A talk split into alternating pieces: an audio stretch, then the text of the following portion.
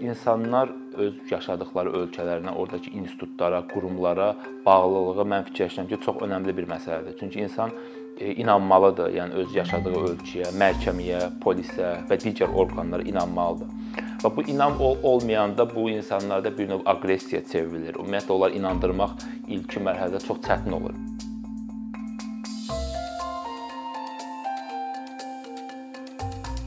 ...2020-ci ildə biz bir qrup hüquqşünaslarla birlikdə qərar verdik ki, pandemiya zamanı insanlardakı olan bu sosial problemlər, e, hüquqi suallarla bağlı elə bir platforma quraq ki, həm həm insanlar maariflənsin, həm də onlar bu sahədə pulsuz hüquqi yardım alsınlar. Ümumiyyətlə Azərbaycan Avropa Şurası ölkələri içərisində vəkillərin sayına görə ən ən aşağı pillədə qərarlaşır və bunun da belə deyək ki, bu da ona şərait yaradır ki, Azərbaycanda bəzən olur ki, 50 min şəxsə bir vəkil tutalım ki, və onun üçündə insanlar e, fikirləşirlər ki, vəkil xidmətləri bahadır, vəkil xidmətlərinə müraciət etdikdə onlar vaxtları gedəcək, pulları gedəcək və onun üçün də belə ilk öncə hüquqşünas könüllülərdən ibarət bir komanda belə deyək qurdu. Və e, sadə hüquq platforması əslində ilkin ideya olaraq burdan e, start aldı. E, sonrakı müddətdə biz fikirləşdik ki, hansı formatda, yəni necə bir format olsun ki, insanlar buna baxsınlar, insanlar bununla bağlı bizə müraciət eləsinlər və mövcud hüquqi yardım platformaları, belə deyək ki, Facebook, Instagram, TikTokda və digər platformalarda olan biz onları analiz eləyəndə orada müəyyənləşdirdik ki, ümumiyyətlə orada paylaşılan dil insanların anlaya biləcəyi dildə deyil. Daha çox qanunvericilikdən çıxarışlardır və qanunvericilikdən çıxarışlar belə deyək ki, kifayət qədər çətindir, həzm olması çətindir. İkinci bir e, faktor o idi ki, ümumiyyətlə insanın beyni bir şeyi, bir məlumat aldıqdan sonra onu ən sadə dilə çevirib bizim belə deyək ki, beynimizə həkk elətdirir və biz onu o sadə formada anlayırıq. Bu ən çətin e, riyazi hesablamalar da ola bilər, kitablar da ola bilər və s. Və fikirləşdik ki, elə biz bunu insanlara asan dildə çatdırsaq, e, insanlar bununla bağlı öz hüquqlarını daha çox biləcək və və əlbəttə ki, sualları olacaqsa da biz o suallara da cavablandıra biləcəyik. Və platforma yarandıqdan çox qısa bir müddət sonra əsasən bu storytelling formatı kimi belə deyək, daha çox belə hekayələr üzərindən hüquqi izah eləmə. Çox qısa bir müddətdə biz müəyyənləşdirdik ki, 10 mindən çox artıq bizim izləyicimiz var və bu izləyicilər hər gün artır və bununla bağlı bizə müraciətlər bəzən hər gün 30, 40, 50 müraciət gəlir və e, bu müraciətlərdə müxtəlif belə deyək ki, sosial problemlərlə bağlıdır. İnsanlar məsəl üçün hər hansı bir hüquqları ilə bağlı öyrənmək istəyirlər və yaxud da ki, cinayət hadisələrlə bağlıdır. Və ə, e, əlbəttə ki, ilkin mərhələdə bu bizim üçün kifayət qədər çətin idi, çünki hüquqşünaslar həm bizdə az idi, həm onların vaxtları limitli idi. Məsələn, insanlar bəzən olur ki, gecə saat 2-də sənə yazırlar və yaxud da ki, Instagramdan yığırlar Yəni o yığanda məsəl üçün təsəvvür edirsən, yuxudasan və kimsə səni gecə saat 2-də yığır və sən heç onu ümumiyyətlə ilk dəfədir görürsən, tanımırsan. Amma ə, e, mən fikirləşirəm ki, bizim platformanın daha sonra belə sürətlə artmasının əsas səbəbi ə, e, insan, yəni bizim hüquqşünaslarda, komandada olan ümumiyyətlə bu istək idi ki, biz insanlara yardım eləməliyik, kömək eləməliyik, onlar öz hüquqlarını daha az bilirlər və ə, e, əslində bu istək idi. Çünki ə, e, digər tərəfdən yəni bu istənilən, yəni sən bir insana nə qədər pul versən də, nə qədər o, iş versən də fərqi yoxdur. Yəni bir insan necə gecə saat 2-də, 3-də e, vətəndaşların suallarını cavablandırırsa, bu deməkdir ki, burada təkcə pul və yaxud da iş faktoru deyil. Yəni iş saat 6-da bitir. Amma ə, e, yenə də bizim hüquqşünaslarımız tutalım ki, bu işi 6-dan sonra da axşamlar da davam elətdirirdilər. Çünki fikirləşirdilər ki, əgər 6-dan sonra onların sualları cavablandırılmasa, insanlar belə deyək ki, bir növ ə, e, küsəcək, bəlkə də, bəlkə də daha az bizi bizi izləyəcəklər. E, və növbəti mərhələdə belə deyək ki, bu suallardan sonra biz insanlar üçün artıq başladıq ərizələr, şikayətlər hazırlamağa məhkəmələrə. Bu həm də belə deyim ki, bu sadə hüquq platformasının həm də belə bir məncə əsas xüsusiyyəti var ki, bir insanlar ölkələrinə, öz yaşadıkları ölkələrinə, oradakı institutlara, qurumlara bağlılığı mən fikirləşirəm ki, çox önəmli bir məsələdir. Çünki insan inanmalıdır. Yəni öz yaşadığı ölkəyə, məhkəməyə, polisə və digər orqanlara inanmalıdır. Və bu inam olmayanda bu insanlarda bir növ aqressiya çevrilir. Ümumiyyətlə onlar inandırmaq ilkin mərhələdə çox çətin olur. Məsəl üçün bizə bir çox adama biz e, tutalım ki, məsləhət gördük ki, gəl sənin şikayətini məhkəməyə hazırlayaq. O deyir ki, yox, Azərbaycanda məsəl üçün məhkəmə var və yaxud da ki, polisə şikayət edir, yox. Yəni bax bu bu tip e, problemlər çoxdur və insanların ümumiyyətlə dövlət qurumlarına, e, onların əmrlərinə, hərəkətlərinə inamı daha çox belə deyək ki, aqressiya formasında olur. Nəinki onlara müraciət formasında. Və bu bizim qarşılaşdığımız ümumiyyətlə çətinliklərdən biri oldu. Amma ancaq biz yenə də hazırladıq. Bəzi uğur hekayələri ilkin mərhələdə oldu. Məsəl üçün məhkəmələrə udurduq. Tutalım ki, bu yaxınlarda biz bir məhkəmə udduq. Deməli bir qadına bir kişi tərəfindən belə deyək ki, də SMS lər var idi və o SMS-lərdə belə deyək ki, təhqir edici sözlər var idi və biz onu məhkəməyə verdik və qadın 3000 AZM belə deyək ki, kompensasiya uddu məsəl üçün. Və yaxud da ki, ünvanı sosial yardımla bağlı. Məsəl üçün indi bizdə Azərbaycanda belə bu proqram açılıbdı. Amma insanları müraciətə təşviq etmək çox çətin olur. Məsəl məsəl üçün biz onlara bildiririk ki, müraciət edin, siz bunu ala bilərsiniz. Onlar deyirlər ki, yox, onsuz da öz tanışlarına verəcəklər və s. Yəni bizə bunu kimdir verən? Və yaxud da ki, obyektiv araşdırılmayacaq. Yəni əlbəttə ki, belə hallar da olur, amma ilkin mərhələdə e, vətəndaşlar müraciət etməli idi. Məsəl üçün bizdə elə bir vətəndaş var ki, indi aylıq 450-460 manat ünvanlı sosial yardımdan ödəniş alır. Və e, bu bizim üçün təbii ki, çox e, yaxşı haldır ki, insanlar bu tip platformalar vasitəsilə, yəni təkcə hüquq hüquqi cəhətdən maariflənmir, həm də yaşadıkları ölkəyə belə deyək ki, identifikasiya olurlar, onunla bir bağlılıqları olur və fikirləşirlər ki, onlar da bu vətəndaş kimi öz yaşadıkları ölkənin bir fərdi, bir parçası olacaqlar.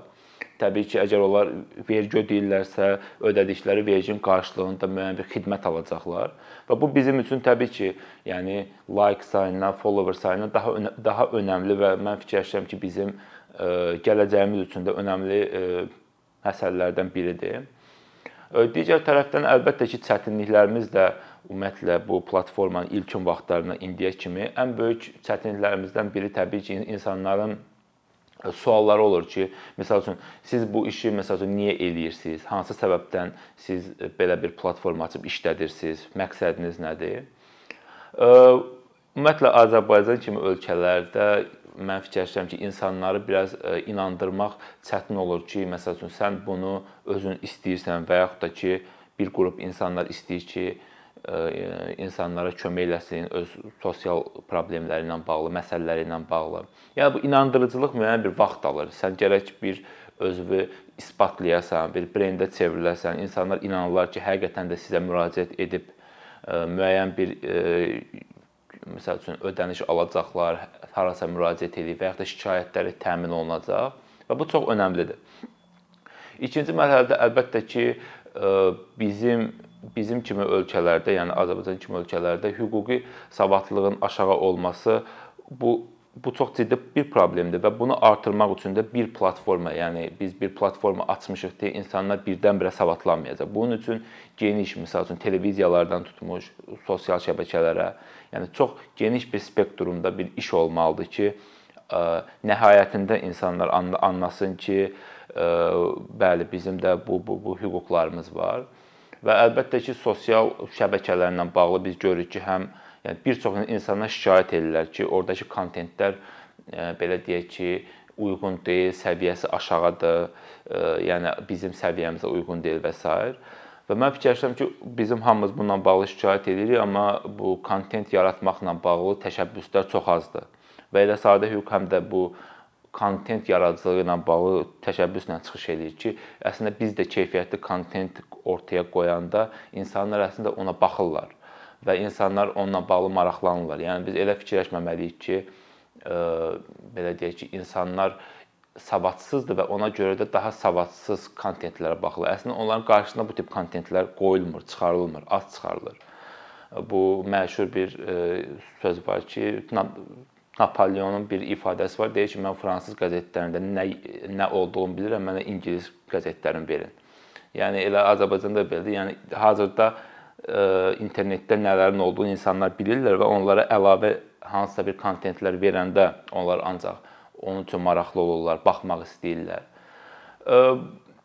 Bundan sonra təbii ki, növbəti mərhələdə, sonuncu indiki mərhələdə biz artıq tutalım ki, bəzən olur ki, məsəl üçün hər hansısa bir belə deyək ki, özəl qurumlardan, dövlət qurumlarından müraciətlər alırıq. Bəzən olur ki, artıq siz fikir versəniz bir çox olur ki, nazirliklərin artıq video çarxları bizim hazırladığımız video çarxlara oxşayır və yaxud da ki, o kontentləri aparmaq istəyirlər. Çünki birbaşa hər hansı bir ağır bir məlumatı insanlara verəndə görürlər ki, ona ümumiyyətlə insanlar baxmaq istəmirlər, yorulurlar.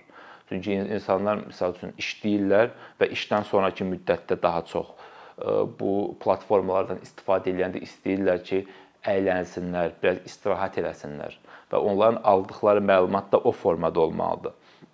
Yəni ağır hüquqi mətnlərin onlara çatdırılması mən fikirləşirəm ki, yəni həmin işin effektivliyini ciddi formada öldürür. Və əlbəttə ki, e, daha böyük işlər görmək olar, daha çox insana çatmaq olar, daha belə böyük işlər görmək olar.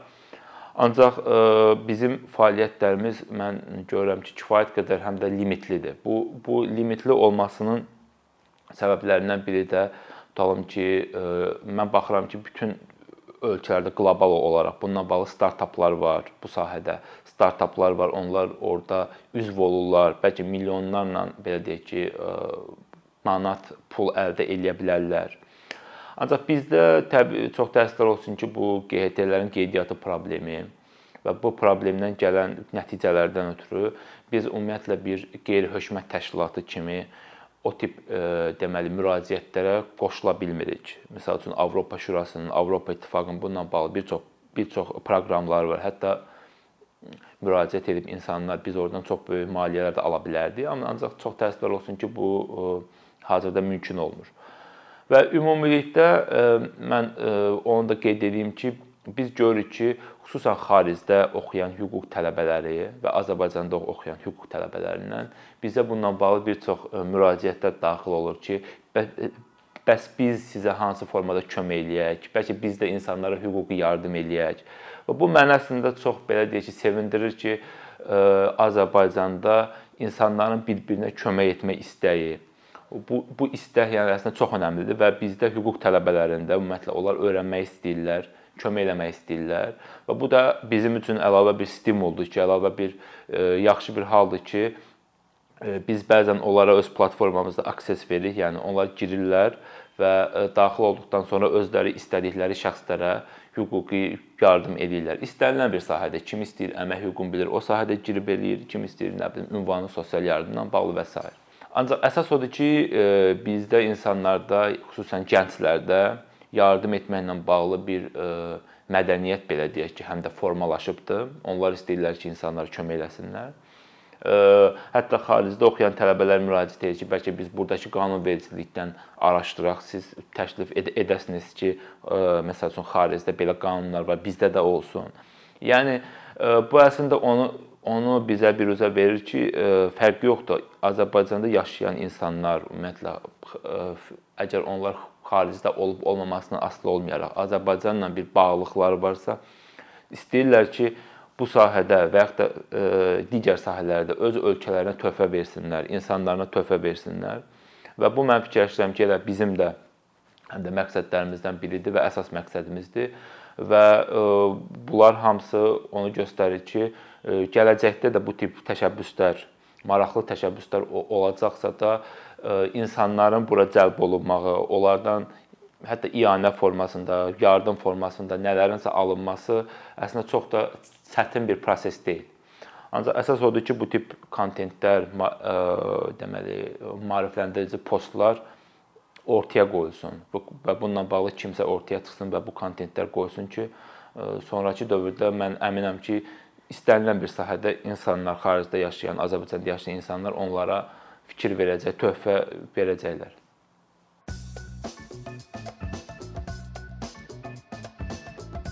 Bir neçə ildir ki, əkinçi olaraq azərbaycanlı izləyicilərin hər zaman faydalana biləcəyi keyfiyyətli və ən əsas ödənişsiz kontent hazırlamağa çalışırıq. İndiyədək təqdim etdiyimiz onlarla animasiya və yüzlərlə çəkilişlər tələbələrin, mütəxəssislərin, müəllimlərin və ümumiyyətlə yeni mövzulardan xəbərdar olmaq istəyən çox sayda insanın marağına səbəb olub. Bu illər ərzində hazırladığımız videolar təhsil, texnologiya, ictimai fəallıq, iqtisadiyyat, gender bərabərliyi, ətraf mühit, ifadə azadlığı, hüquq, demokratik inkişaf, mədəniyyət və digər mövzuları əhatə edib. Məqsədimiz çoxlu baxış gətirən deyil, çoxlu fayda gətirən videolar hazırlamaqdır. Amma bu düşündüyümüz qədər asan deyilmiş. Gördüyümüz iş kifayət qədər resurs, əmək və təbii ki, davamlılıq tələb edir. Bu səbəbdən Patreon platformasından istifadəyə başladıq. Əkinçinin Patreon hesabının populyarlaşmasına çox böyük ümidlərimiz və gözləntilərimiz var.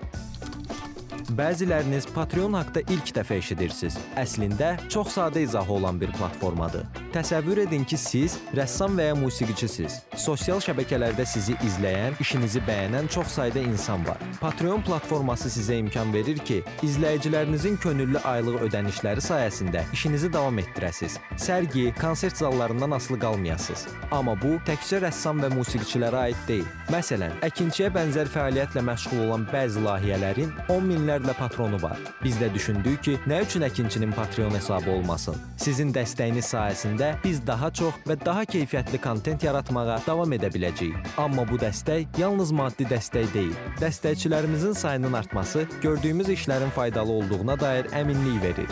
Patreon platformasından istifadə çox sadədir. Hesabınızı açırsınız, sizə uyğun dəstək növünü seçirsiniz və Patreon özü hər ayın ilk günü kartınızdan seçdiyiniz dəstək növünə uyğun ödəniş tutur. Bu qədər. Sonda onu demək istəyirik ki, dəstəkçilərin sırasına qoşulmaq istəyən, amma məhdud imkana görə bunu edə bilməyənlər narahat olmasın. Daha öncə dediyimiz kimi, bizim əsas məqsədimiz daha çox insanın hər zaman faydalana biləcəyi keyfiyyətli və ödənişsiz kontentin yaradılmasıdır. Bunun üçün mütləq patronumuz olmalısınız deyə məcburiyyət yoxdur. Amma imkanınız patron olmağa çatırsa və bizim işimizi bəyənirsinizsə, patronlarımızın sırasına qoşulmağınız bizim üçün çox önəmlidir.